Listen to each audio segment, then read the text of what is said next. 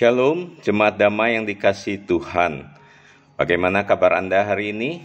Saya berdoa kiranya setiap kita di dalam anugerah dan kasih karunia Tuhan dalam keadaan yang baik-baik dan di dalam penyertaan Tuhan. Saudara, tidak terasa ya waktu sudah berada di penghujung bulan Juni dan di hari Minggu yang lalu kita mendengar sebuah khotbah firman Tuhan yang disampaikan oleh saudari Kris yang begitu menyentak kita akan sebuah panggilan menjadi murid Kristus yang radikal. Saya ketika mendengar firman Tuhan itu kembali di remind bahwa sebagai orang Kristen zaman now, kita adalah murid Kristus yang seharusnya radikal. Radikal yaitu mengakar kembali kepada firman Tuhan. Tentu kata radikal ini sering kali menjadi sesuatu yang alergi untuk didengar ya pada konteks negara kita saat ini. Tetapi tidak demikian sesungguhnya arti kata radikal itu. Nah, juga di dalam Samas kemarin, uh, Ibu Dian menyampaikan tentang hal yang baik dan buruk, di mana jemaat diperingatkan tentang kondisi kondisi yang dialami mereka.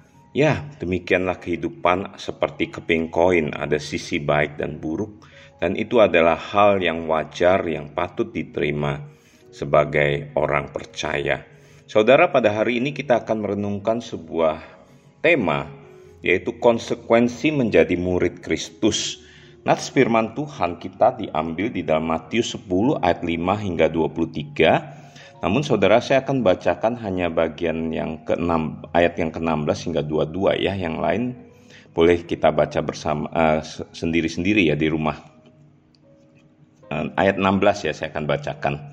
Lihat aku mengutus kamu seperti domba ke tengah-tengah serigala. Sebab itu hendaklah kamu cerdik seperti ular dan tulus seperti merpati. Tetapi waspadalah terhadap semua orang, karena ada yang akan menyerahkan kamu kepada majelis agama dan mereka akan menyesah kamu di rumah ibadatnya. Dan karena aku kamu akan digiring ke muka penguasa-penguasa dan raja-raja sebagai suatu kesaksian bagi mereka dan bagi orang-orang yang tidak mengenal Allah. Apabila mereka menyerahkan kamu, janganlah kamu khawatir akan bagaimana dan akan apa yang harus kamu katakan, karena semuanya itu akan dikaruniakan kepadamu pada saat itu juga. Karena bukan kamu yang berkata-kata, melainkan roh Bapamu, dia yang akan berkata-kata di dalam kamu. Orang akan menyerahkan saudaranya untuk dibunuh, demikian juga seorang ayah akan anaknya, dan anak-anak akan memberontak terhadap orang tuanya dan akan membunuh mereka. Dan kamu akan dibenci semua orang oleh karena namaku. Tetapi orang yang bertahan sampai pada kesudahannya akan selamat. Saudara yang dikasih Tuhan, konteks firman Tuhan ini kalau dibaca dari ayat yang kelima sampai yang kelima belas ini adalah bagaimana Tuhan Yesus mengutus kedua belas muridnya, para rasul itu dan memberikan pesan kepada mereka untuk tidak menyimpang. Masuk ke kota tidak masuk ke uh, masuk tidak masuk ke dalam jalan bangsa lain. Sebuah perintah kepada para murid untuk pergi kepada domba yang hilang dari umat Israel itu.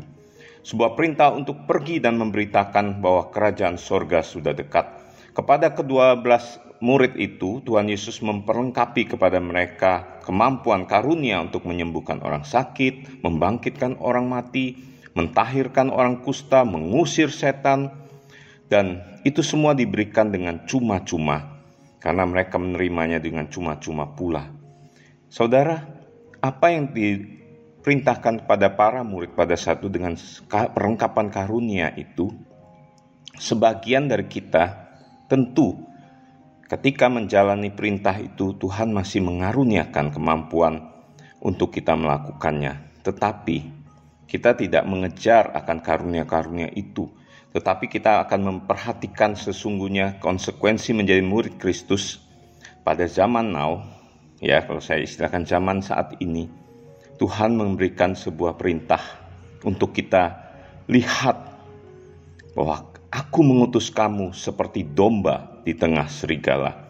Jadi kita dengan melihat kepada Kristus, memegang akan janji firman-Nya bahwa dialah yang mengutus kita seperti domba di tengah serigala. Dan untuk itu dia meminta kita untuk menjadi hendaklah kamu menjadi cerdik seperti ular dan tulus seperti merpati. Apa maksudnya cerdik seperti ular dan tulus seperti merpati ini? Nah, kita dapat belajar dari ayat-ayat berikutnya bahwa sebagai konsekuensi menjadi murid Kristus yang diutus untuk pergi memberitakan kerajaan sorga itu, kita perlu satu, waspada kepada semua orang. Mengapa? Karena akan ada yang menyerahkan kamu kepada majelis agama, menyesah kamu di rumah ibadatnya. Jadi kita perlu waspada kepada semua orang. Menjadi cerdik adalah perlu waspada. Untuk itu kita perlu mengerti akan firman Tuhan, mengerti akan janji firman Tuhan, mengerti bagaimana sesungguhnya firman Tuhan itu katakan. Bukan kita tertawan atau terjebak di dalam ajaran-ajaran atau pengajaran yang ben tidak benar di hadapan Tuhan. Oleh karena itu kita perlu waspada. Waspada berarti mempelajari, menyelidiki, mencari tahu kebenaran firman Tuhan itu. Lalu yang kedua, kita akan melihat bahwa karena Yesus karena iman kita kepada Tuhan, kita akan dibawa atau digiring ke muka penguasa dan raja-raja sebagai kesaksian bagi mereka, bagi orang yang tidak mengenal Allah. Jadi ada sebuah konsekuensi untuk kita mempertanggungjawabkan iman kita di hadapan orang-orang yang belum mengenal Kristus. Dan jangan khawatir, kata Yesus, kalau mereka menyerahkan kita untuk mem mempertanyakan iman kita. Kita akan menjawabnya karena ada karunia Roh Kudus yang akan berbicara bagi kita. Roh Kudus yang akan berkata-kata di dalam kamu untuk mempertanggungjawabkan imanmu. Lalu ini yang mengejutkan saya ya saudara. Yang ketiga, bahwa orang akan menyerahkan saudaranya untuk dibunuh, ayah dan anak-anak memberontak kepada orang tuanya Ya, itulah kehidupan yang kita bisa saksikan di tengah zaman ini, bukan? Begitu banyak persoalan rumah tangga, keluarga, saudara bersaudara berantem, tukaran, entah karena uang, entah karena masalah ini dan itu. Demikian juga ayah dengan anak, anak melawan pada orang tua. Untuk itulah saudara, Yesus memanggil engkau dan saya untuk diutus ke tengah dunia ini untuk boleh cerdik seperti ular, namun tulus seperti merpati, untuk boleh menghadapi persoalan pergumulan di tengah dunia yang seperti ini. Dan lebih jauh lagi yang bagian yang terakhir yaitu bahwa kamu akan dibenci karena namaku. Namun, bila engkau bertahan sampai kesudahannya, engkau akan selamat.